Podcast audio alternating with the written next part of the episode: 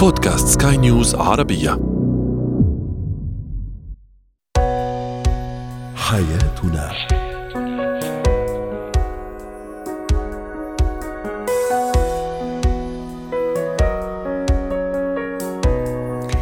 مستمعينا الكرام أهلا بكم معنا إلى حياتنا فضاؤكم اليومي الذي يعنى بشؤون الأسرة وباقي الشؤون الحياتية الأخرى والذي يمكنكم الاستماع اليه عبر منصة سكاي نيوز عربيه dot com slash podcast وباقي منصات سكاي نيوز عربية الأخرى. يمكنكم أيضا المشاركة عبر رقم الواتساب 009 71 561 886223 معي أنا أمال شاب اليوم نتحدث عن موضوع كثير مهم في الحياة الزوجية من المتسرع في إصدار الأحكام في الحياة الزوجية ومن المتسرع أيضا في اتخاذ القرارات في الحياة الزوجية. أيضا سنتحدث عن موضوع الأطفال واستقبال المولود الجديد. كيف أجهز طفلي لاستقبال المولود الجديد؟ وأخيرا الثأر مرض اجتماعي مزمن في بعض المجتمعات. من يغذيه هذا السلوك المنبوذ وكيف نستأصله؟ هو وهي. التسرع بداية طريق الندم التسرع في إصدار الأحكام في الحياة الزوجية وأيضا التسرع في اتخاذ القرارات في الحياة الزوجية. من المسؤول أكثر الزوج أم الزوجة؟ للحديث عن هذا الموضوع رحبوا معي بدكتور شافع نيادي الخبير في العلاقات الأسرية. ضيفنا العزيز يسعد أوقاتك دكتور شافع أهلا وسهلا فيك معنا اليوم في هذا النقاش. أحيانا اصابع الاتهام توجه للمرأة في إصدار الأحكام وأحيانا أخرى في اتخاذ القرارات المتسرعة يعني أصابع الاتهام تشار للرجل. نحن الآن بصدد الحديث عن خطورة التسرع في إصدار الأحكام وخطورة أيضا التسرع في اتخاذ القرارات في الحياة الزوجية. دعني أبدأ بإصدار الأحكام، يقال مثلا انه المرأة عادة ما تتسرع في إصدار الحكم، أعطيك مثلا مثال الزوج انشغل عنها يوم يومين مباشرة تروح تصدر الحكم أنه صار مهمل مثلا من غير ما ترجع للأسباب في مثلا مسألة اتخاذ القرار ممكن رجل يتسرع في اتخاذ قرار معين من غير رجوع مثلا للزوجة أو الأسرة ما خطورة هذا على الحياة الزوجية؟ جزاكم الله خير أشكركم أستاذ أمال على الاستضافة على هالموضوع. طبعا لما نحن نتحدث من هو أكثر المتسرع الزوج أم الزوجة آه هذا ينبني على الشخصية. فنحن ما أنا ما أقدر أقول والله الزوج هو أكثر متسرع. قد تكون زوجه عندها مهارات حياتية عندها خبرة عندها معرفة وقد يكون أحيانا الزوجه متسرعة في الموضوع والزوج لديه مهارات. فهنا ينبني على شخصية أو نمط شخصية هذا الزوج أو الزوجة. بس أحيانا لو قلنا والله في نوع من التوازن قد يكون تكون المرأة من الناحية العاطفية آه سبحان الله هذا لما ترك مسألة حتى الطلاق والعصمة في الرجل ومسألة الطلاق وما شابه ذلك، لكن هذا ليس المقياس، المقياس هي مدى خبرة هذا الشخصين سواء الزوج والزوجه، نحن رأينا أزواج متسرعين في الحكم أكثر من الزوجة، ولما شفنا ورأينا رأينا أن الزوجة عندها مهارات حياة مهارات وانماط ونمط شخصيتها يعطيها أنها لا تتسرع في الحكم في اتخاذ القرارات. فالمقياس لهذا هي المعرفة هي الخبرات هي نمط شخصية هذا الإنسان. طبعا ونظرته كمان للحياة الزوجية ولا نعم. يعني شو شو شو ناطر وشو بده من هالحياة الزوجية؟ إذا بده استقرار إذا بده هدوء وسكينة وسلام أكيد. فأكيد ما راح يتسرع في اتخاذ القرار ولا في إصدار الأحكام على الطرف الآخر دكتور شافع. صحيح. ولكن لو رأينا رجعنا حق الآثار. الآثار اتخاذ القرار التسرع في ذلك. أنا أقول هذه حياة زوجية هذا عمر. ليس نحن نقول يوم يومين. صح. فإصدار فإصدار القرار بشكل عشوائي يدمر عمر قد يدمر أبناء. فأحيانا أحيانا حتى يزرع عدم الطمأنينة. أنا كيف أقدر أعيش مع شخص متسرع في قراراته؟ يمكن يتخذ اليوم قرار يدمر حياتي يمكن قرار يسيء وما شابه ذلك.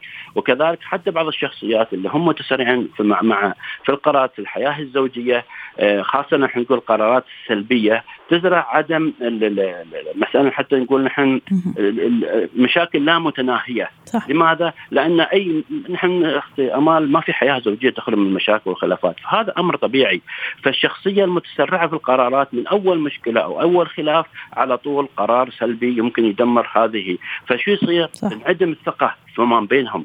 وكمان إصدار الأحكام لأنه الآن امامنا إحنا يعني شيئين إصدار حكم واتخاذ قرار. نعم. ففي كلتا الحالتين كمان إني أصدر حكم على زوج آه، أو زوجة من غير مثلا ما أرجع للأسباب ولا يعني أحاول أتفهم آه، ليش هذا الطرف ليش هالزوج تصرف بهذه الطريقة أو ليش هالزوجة كمان تصرفت بهذه الطريقة وأصدر الحكم وأتصرف بناء عليه وتكون حياتي بعدها بناء على هذا الحكم. اللي بين قوسين حين يكون ظالم للزوج والزوجة.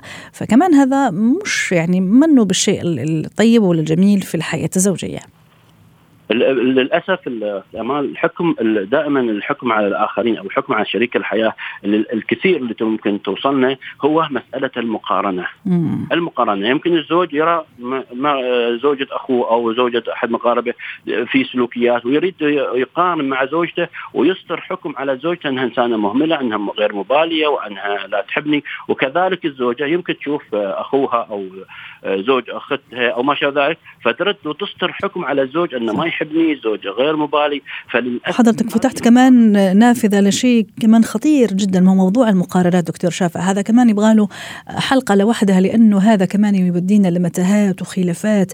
موضوع المقارنات يا دكتور. وحتى نختم مع حضرتك كيف أنا فعلا أكون حكيم أو حكيمة في حياتي الزوجيه لا اتسرع في إصدار الحكم على زوجي وعلى زوجتي وأعطي بدل الفرصة اثنين وثلاثة وعشرة حتى ثم احاول ثم أحاول أعرف إيش السبب اللي يقف وراء هذا التصرف سواء كان تصرف يعني بسيط أو حتى ممكن في غاية المعقد جدا. ونفس الشيء بالنسبة لاتخاذ القرارات يعني أعمل حساب لكل شيء لكل خطوة قبل ما أتخذ هذا القرار. نعم. اولا لابد مسألة التأني والصبر والعقلانية والتفكر. فأنا إذا إذا شخص هذا اتخذ قرار أنا بتخذه بتخذه أعطي نفسك وقت يوم, أو فترة وقبل اتخاذ القرار. حتى دائما أنا بقد ما أستطيع ما أتخذ قرار وأنا في حالة غضب لأن هذا أكيد بيتجه لاتجاه سلبي. دائما اتخاذ القرار المشكلة للأسف أمال دائما لما يتخذ القرارات السلبية ينظر للسلوكيات السلبية لشريك الحياة. لماذا لا تنظر للسلوكيات الإيجابية؟ هذا عمر وفي إيجابيات كثيرة. ممكن خطأ خطأين شيء سلبي. فلا بد أنظر لإيجابيات هذا.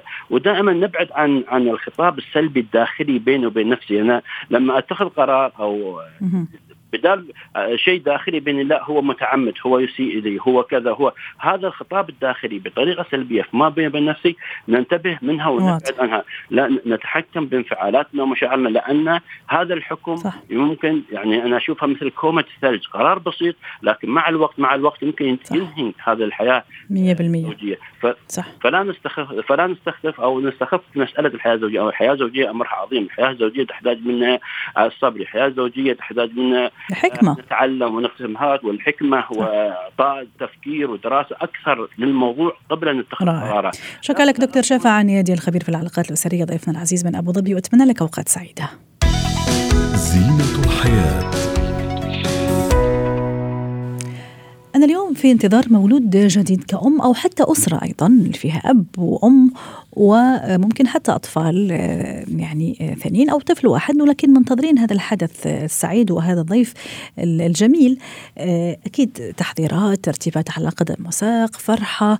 لكن ماذا عن هذا الولد اللي عمره ثلاث أربع سنوات اللي راح يستقبل هالمولود الجديد وطول عمره هو المدلل المدلع طلباته كلها أوامر.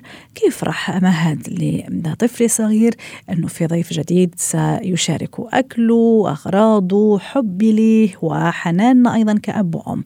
رحبوا معي بندى شاهين الاختصاصية النفسية والتربوية سعد أوقاتك أستاذة ندى.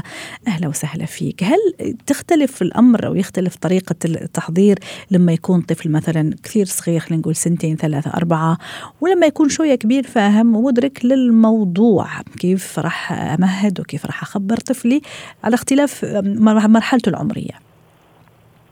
أهلا بيكي. أهلا وسهلا. آه طبعا بيختلف التمهيد من طفل صغير خالص مستوعب للأمر أو هو طفل مرحله اللي هو بداية الاستيعاب أو الاستيعاب بتاعه صغير شوية اللي هو من أول سن أربع سنوات ممكن نقول لحد عشرة وبعدين من عشرة يعني بيختلف طبعا من حاجة لحاجة. بس الأهم والمشترك بينهم كلهم إنه يجب التمهيد. يعني مش فجأة كده الطفل يلاقي ماما بطنها كبرت وبعدين تبتدي تقول له آه أصلا أنا حامل أو تقول له الموضوع بشكل أو بطريقة يعني عن طريق سؤاله هو أو عن طريق استفساره هو. فبيكون مهم إن أنا أكون أقولها له بطريقة لطيفة وبطريقة مرتبة أكون فكرت فيها وبأسلوب على حسب سنه على حسب أها. شو هو الأسلوب؟ مثلا خلينا نقول إذا طفلي عمره ثلاثة أربع سنوات يعني تو صغير بعده صغير. شو هو الأسلوب اللي يناسب فكره إدراكه بمرحلته العمرية؟ وعفوا أراعي شعوره ممكن موضوع الغيرة موضوع الخوف من هذا المولود الجديد؟ أعطيني طريقة أو العبارة ثم ننتقل لمرحلة أخرى أستاذة ندى. نعم. أهم حاجة إن أنا أقول له في المرحلة الثانية من الحمل. يعني ما اقولكوش في بداية الحمل وأنا لسه في الشهر الأول الثاني الثالث أقول له مثلا على مرحلة الشهر الخامس أكون خلاص اتأكدت إن البيبي مستقر وفعلا هيبدأ يحصل عندي تغيرات في شكلي. ده رقم واحد. رقم اثنين مهم قوي فعلا طريقة إن أنا أقولها له إزاي. لأن هي دي الانطباع الأمثل دايما بيدوم. فالطريقة اللي أنا هقولها له دي مهمة. مهم إن أنا أقولها له على أساس إن هو شرف هينوله باجي أقول له أنت هتخ... هتاخد لقب جديد أو هتبدأ في مرحلة جديدة. أنت هتكون هو لقب أخ يعني. نعم. لقب م. الأخ الأكبر ولقب وأبتدي أحكي له قصص قد إيه حلو إن هو يكون عنده أخ وابتدي ادي له رؤية قدام. أقول له بعد فترة لما الطفل يبدأ يكبر شوية هيبدأ يتحرك ويمشي وهيبدأ يلعب معاك هيبدأ يشاركك في أمور كتير حلوة. هتبدأ لما أنت لو أنت قاعد زهقان. يعني أحرك مخيلته كأنك عم نحاول يعني نوصل هذه الفكرة صح ولا لا أستاذة ندى؟ صح أحرك مخيلته على الأمور الجميلة جميلة صح. تحصل لما الطفل ده يجي بس أكد إن الطفل لما يكبر لأنه ساعات بتحصل زي صدمة إنه ده إيه ده ده حاجة ما بتتكلمش ما بتتحركش. فهعمل ألعب معاه إزاي أو هعمل إيه؟ برضو العلاقة بتنشأ من أول ما ابتدي شهر بشهر يعني مثلا شهر لو إحنا هنقول له في الشهر الخامس مهم إن أنا ابتدي أقول له تعالى اقرأ معايا شوف هو إزاي بيتكون في الشهر الخامس. هيبقى إيه الحاجات اللي بدأت تكمل فيه؟ على الشهر السادس إيه الحاجات الثانية هيبدأ يطلع له شعر؟ على الشهر السابع إيه اللي هيبدأ يتكون ويكتمل عنده؟ أخده معايا عند الدكتور أخليه يشوف سونار ويشوف من اين يبقى فاهم قوي. ممكن أخده معايا كمان على المول أو التسوق وأستشيره كمان في شراء أغراض لأخوه الصغير أو أخته الصغيرة كمان هذا راح يخليه يعني مشارك في هذا الحدث الجميل وما يحس حاله إنه معزول أو منعزل عنه. وبالتالي نتفادى موضوع الغيرة اللي هو كمان موضوع كبير جدا يعني يواجه كثير أمهات لما يكونوا راح يستقبلوا المولود الجديد ويعملوا ألف حساب لهذا يعني أبنهم الأول كيف راح يتصرفوا موضوع الغيرة. نعم. هي إحنا موضوع الغيرة دوت ده شيء هيكون موجود يعني لا مفر منه. بس م. طريقة التعامل فيه هي اللي هتظبط الموضوع ومش هيتحول من غيرة لمثلا نوع من أنواع الكره البسيط أو نوع من أنواع إن أنا مش حابب الشيء ده أو الطفل ده الشخص ده جه يبوظ لي حياتي. مهم إن أنا ما أخليش الطفل في بداية أول ما البيبي الجديد يتولد أدخله حاجة جديدة. ما ادخلوش مدرسة جديدة ما ادخلوش حضانة. ما ابتديش أغير له أعلمه اللي هو آه، إن هو يبدأ يعتمد على نفسه أغير له يعني هو ما يلبسش الحفاض ويبتدي يدخل الحمام لوحده. والحاجات دي مراحل في حياة الطفل. فمهم إن أنا ما ابتديلوش أي حاجة جديدة. مهم كمان إن أنا لما أروح المستشفى ابقى مفهماه مش فجأة كده الصبح أروح أسيبه عند حد من أصحابي أو أروح أسيبه عند حد من أهلي وأروح أولد وأرجع. لا اكون مفهماه أنا هروح أجيب ال baby وآجي. أنا مش عايزاك تيجي معايا لأن المكان هناك ممكن يكون خطر شوية عليك. أول ما هتبقى قاعد زهقان فأنا هروح اجيبه لك وهاجي أحيانا في في البعض كمان ممكن لما خلص يجي هالمولود. في البعض مثلا يحرص إنه الولد هذا اللي يعني ال already موجود ممكن نجيبه للمستشفى. طبعا أكيد بعد نكون متأكدين وناخذ يعني الإذن من هذا. إنه ممكن حتى نجيب الهدية صغيرة على أساس البيبي صغير هو اللي جابها لهذا الولد. هل هذه طريقة تشوفيها صح تربوية؟ آه، بالعكس يعني تخلي هذا الولد المرتاح ومتأكد إنه إيه هو محبوب حتى وإن جاء أخوي الصغير وراح ياخذ هالاهتمام وهالحب. بس أنا برضك محبوب. ما هو اجى هالبيبي صغير واخويا وجاب لي هديه معه. وإن كان طبعا الموضوع أكيد رح يعني الأم والأب هم اللي رح يفتعلوه يعني. أيوه. موضوع الهدية ده موضوع رائع ولازم يعني يطبق لأن الإحساس إن هو أنا جايب طفل وجاي معايا هدية وحاجات حلوة ليك وكمان الطفل يتشغل بحاجة. بس مهم الصدق مع الطفل. يعني ده طفل ما بيتحركش وما بيعملش. إزاي هيروح يجيب هدية؟ فانا لازم أقول أكون قايلة له أنا جايبة لك هدية لأن أنت نلت شرف الأخ الأكبر أو الاخت الكبرى. أنت دلوقتي بقى عندك حاجة جديدة بتبتديها في حياتك زي ما تكون عيد ميلاد جميل. تكون حاجة جايبة لك هدية علشان الموضوع ده. جميل. وأقعد بقى أنا زي ما قلنا إن إحنا بنربطهم شوية بشوية بموضوع إن هو اللبس موضوع إن بعد ما يتولد يساعد في أمور معينة. أيوه. هو مثلا إنه في البعض مثلا لا ما, ما تلمسوش ما تفعلوش ما أدري إيش.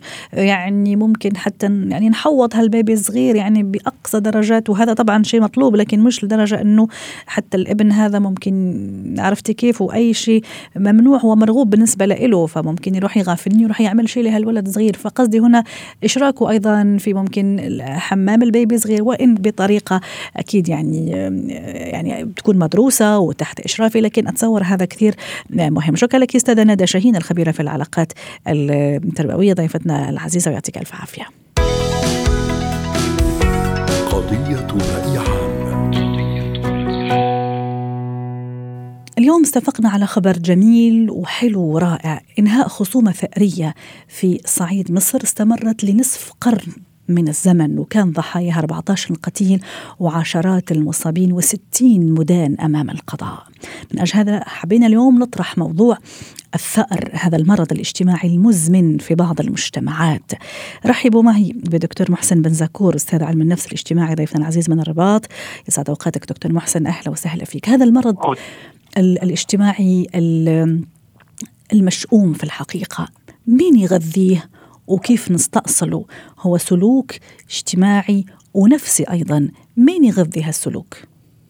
أولا نشكرك سيدتي على قولك أنه مرض لأنه فعلا هو مرض.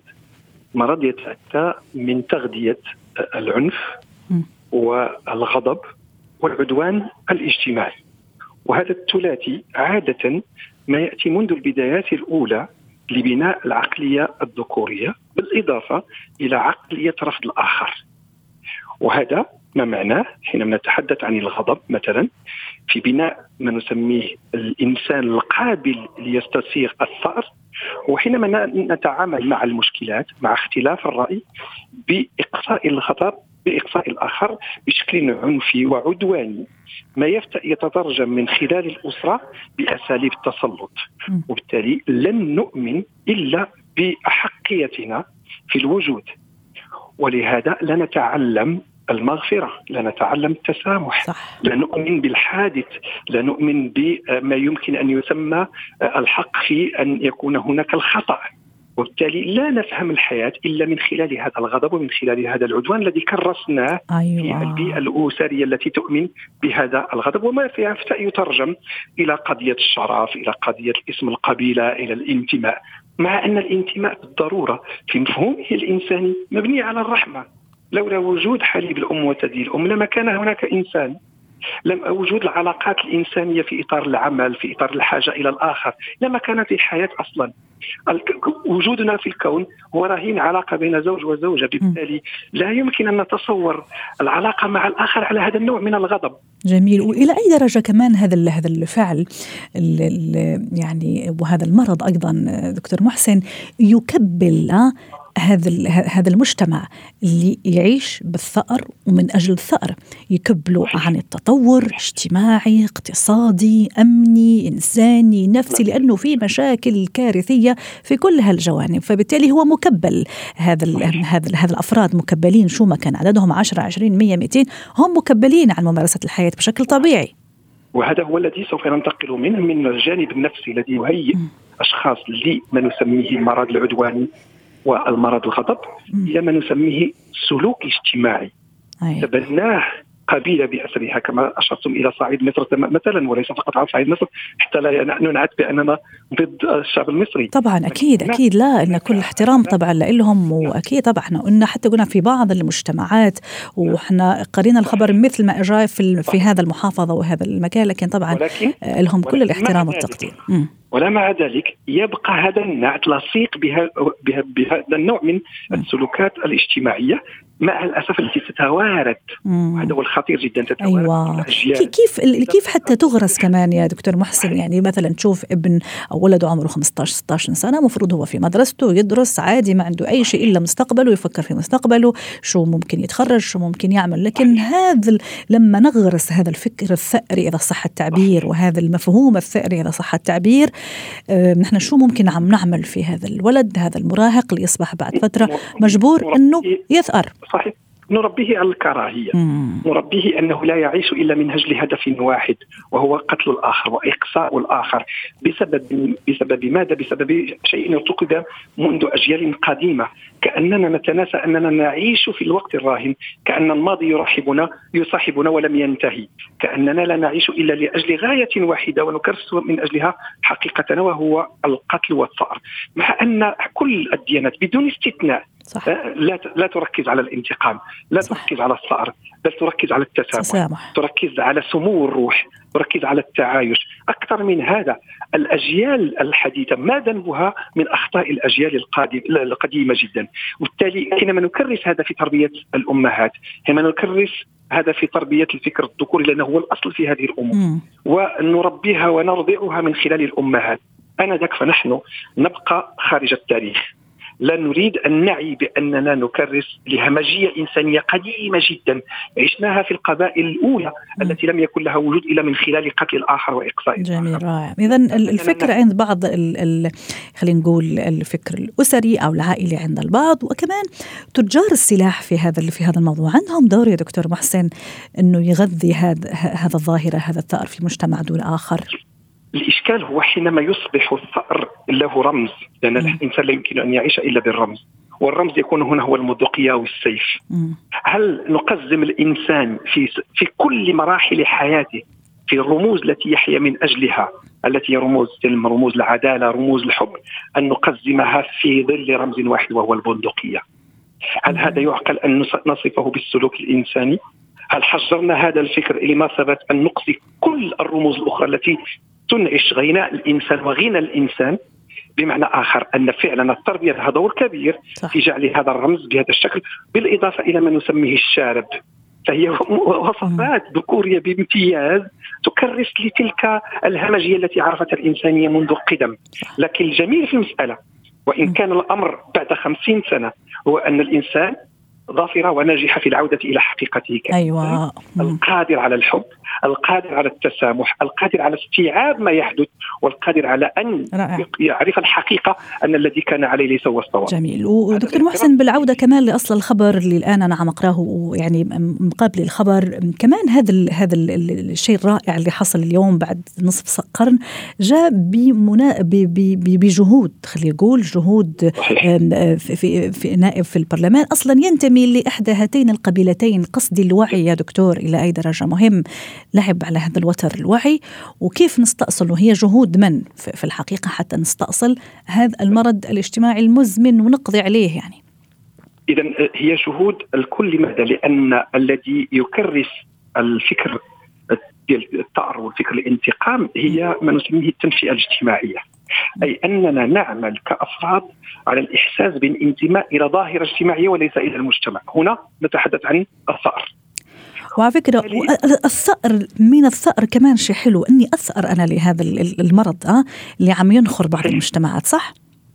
إذا إذا كان السالب آه، الناحية الرياضية مضروب في السالب فهو يعطينا السالب. إذا نقضي على هذا الذي سميناه ثأر من خلال ما هو موجب اللي هو الوعي والمصلحة العامة والحياة. نحن نريد أن نحيا وليس نريد من أجل أن نعيش من أجل الموت لأن السائر يعيش من أجل الموت بينما الآخر يعيش من أجل البناء. يعيش من أجل السعادة يعيش من أجل الفرح. وبالتالي هذا الوعي الذي نريد أن نصل إليه أنتم رأيتم بأنه لم يأتي من فراغ فأن تكون برلمانيا أي قضيت مسافة زمنية في فض النزاعات وأدركت أن النزاعات لا تفضي إلا إلى إفراز واحد نوع من الطاقة في في الفراغ في القضاء على الإمكانيات ديال التقدم في القضاء على التعايش.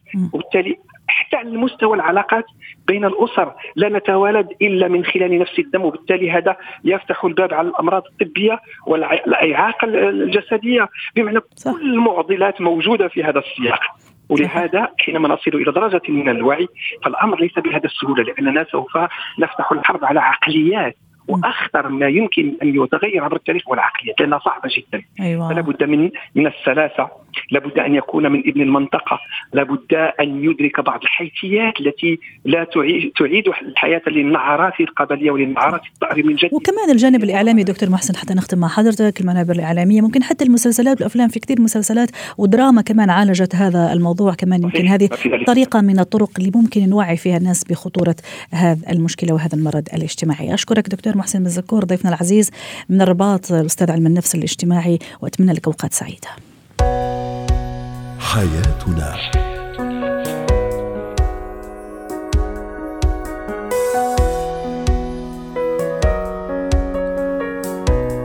ختام حلقة اليوم من حياتنا. شكرا لكم وإلى اللقاء.